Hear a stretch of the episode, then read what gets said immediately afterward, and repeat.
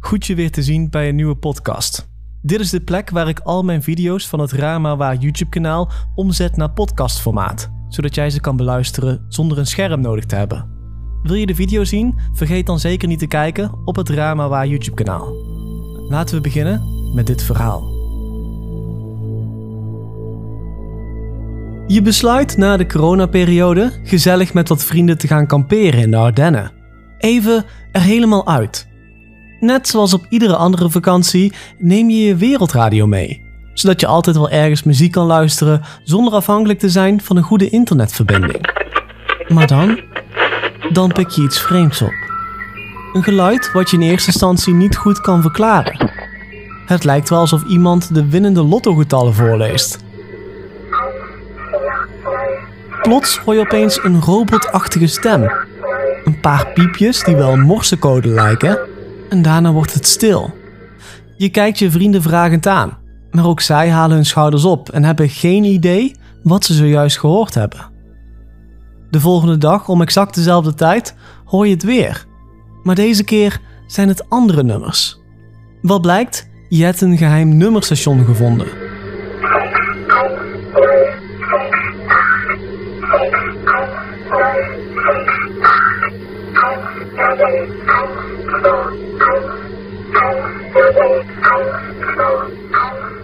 Leuk dat je kijkt naar een nieuwe video hier op Rama Waar.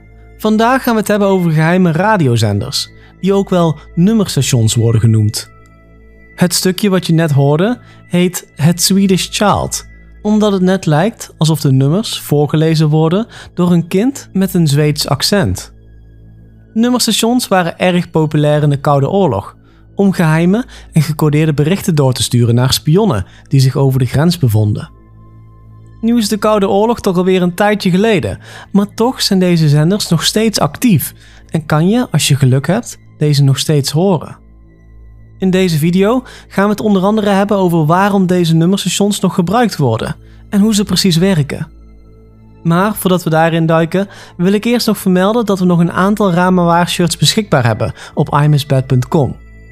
Oké, laten we beginnen met wat een nummerstation eigenlijk precies is. Een nummerstation is een korte golfzender die een geheime code uitstuurt. Dit doen ze vaak met cijfers, in spraak, morsecode of met verschillende tonen en piepjes. De berichten die gehoord worden zijn vaak groepen van 4 tot 5 cijfers, die dan een aantal keer herhaald worden. Deze stations staan overal ter wereld, zonder dat we weten wie er aan de andere kant van de microfoon zit. Er is nog nooit een overheid of bedrijf naar voren gekomen die claimt een nummerstation te hebben. Er zijn verschillende redenen waarom deze geheime berichten verstuurd worden door middel van de korte golf. Voornamelijk omdat deze gemakkelijk een flinke afstand kunnen afleggen en goed te bereiken zijn, in tegenstelling tot de meeste FM- en AM-radiozenders. Daarnaast is het ook extreem moeilijk te bepalen waar de nummerstations precies staan. En behalve dat kunnen de zenders niet verstoord worden.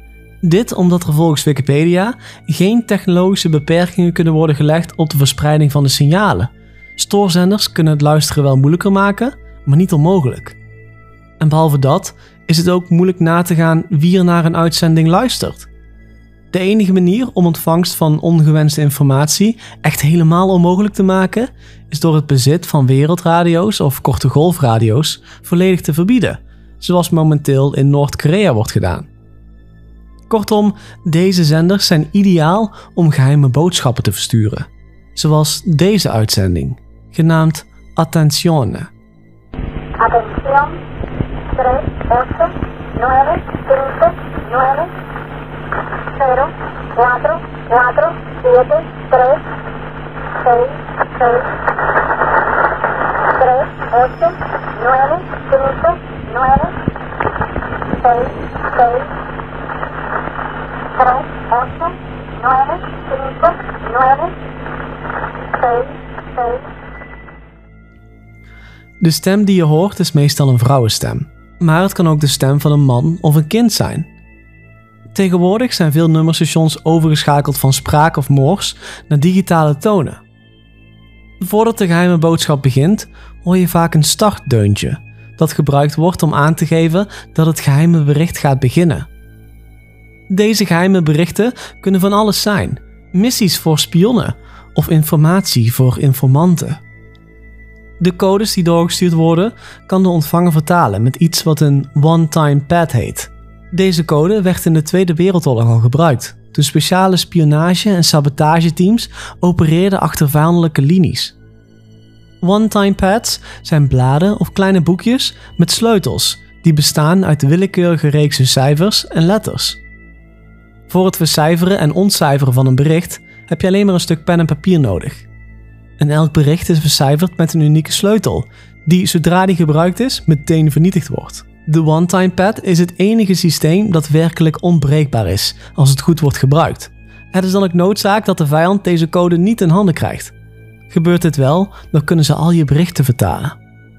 Dit overkwam twee officiële medewerkers van de US State Department, Walter Kendall Myers en zijn vrouw, Gwendolyn Steingraber. Zij werden in 2009 nog gearresteerd nadat bleek dat ze al meer dan 30 jaar spioneerden voor de Cubaanse overheid.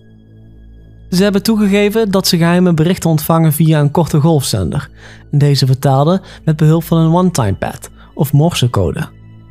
Ze liepen tegen de lamp toen ze dachten af te spreken met een undercover Cubaanse agent, die in werkelijkheid iemand van de FBI bleek te zijn. Nu denk je natuurlijk van ja, dat is in Amerika, maar ook hier in Europa wordt er nog volop gebruik gemaakt van nummerstations om geheime boodschappen te versturen naar spionnen. Tijdens de Koude Oorlog, die tussen 1945 en 1991 plaatsvond, waren deze korte golfzenders razend populair. Er werd toen namelijk in Europa ontzettend veel gespioneerd door de Russen en de Amerikanen, die vochten om invloed in Europa en Duitsland. Elk beetje informatie wat ze van elkaar konden vinden was super belangrijk en konden ze tegen elkaar gebruiken. Toen de Koude Oorlog eindelijk ten einde kwam, nam het aantal nummerstations ook af. Maar ze zijn zeker nog niet verdwenen. De meeste communicatie gaat vandaag de dag digitaal, via telefoon of internet. Maar deze zijn makkelijk te kraken en te achterhalen. Dat versleutelde telefoons en berichtendiensten niet altijd even veilig zijn als je denkt, blijkt maar weer. Zo zag je laatst in het nieuws bijvoorbeeld dat er een groot crimineel netwerk opgerot was, nadat ze de zogenaamde onbreekbare versleutelde server wisten te hacken. Een korte golfzender blijkt dan nog altijd de beste optie om gecodeerde berichten door te sturen. Daarnaast is het hebben van een wereldradio niet heel raar of opvallend. Ideaal voor spionage dus. En zoals ik net dus zei, zelfs nu, ver na de Koude Oorlog, horen mensen deze geheime radiostations nog steeds. Op online forums en social media kom je nog steeds berichten tegen, zoals deze gebruiker, die op een forum zegt dat hij in het Spaanse eiland Tenerife nog een vreemde zender vond, die getallen uitzond. 3, 9, 7, 1, 5. 3, Toen de man terug in Nederland aan het pielen was met zijn wereldradio, hoorde hij ook hier morsecode. 9, 7, Dat er nog steeds geheime boodschappen heen en weer gezonden worden, mag duidelijk zijn. Interessant detail is dat verschillende ambassades overal ter wereld allemaal korte golfantennes op hun dak hebben. Zoals deze in Amsterdam. In 2013 vroeg een van onze ministers de Amerikaanse ambassade al om opheldering. Want waarom zouden ze deze antenne nodig hebben? Wil je weten of er een geheim nummerstation bij jou in de buurt zit? Kijk of je thuis een wereldradio hebt staan en ga op middernacht alle zenders af. En wie weet, kom jij ook wel iets tegen. Dit was weer het einde van deze podcast. Bedankt voor het luisteren en tot de volgende keer.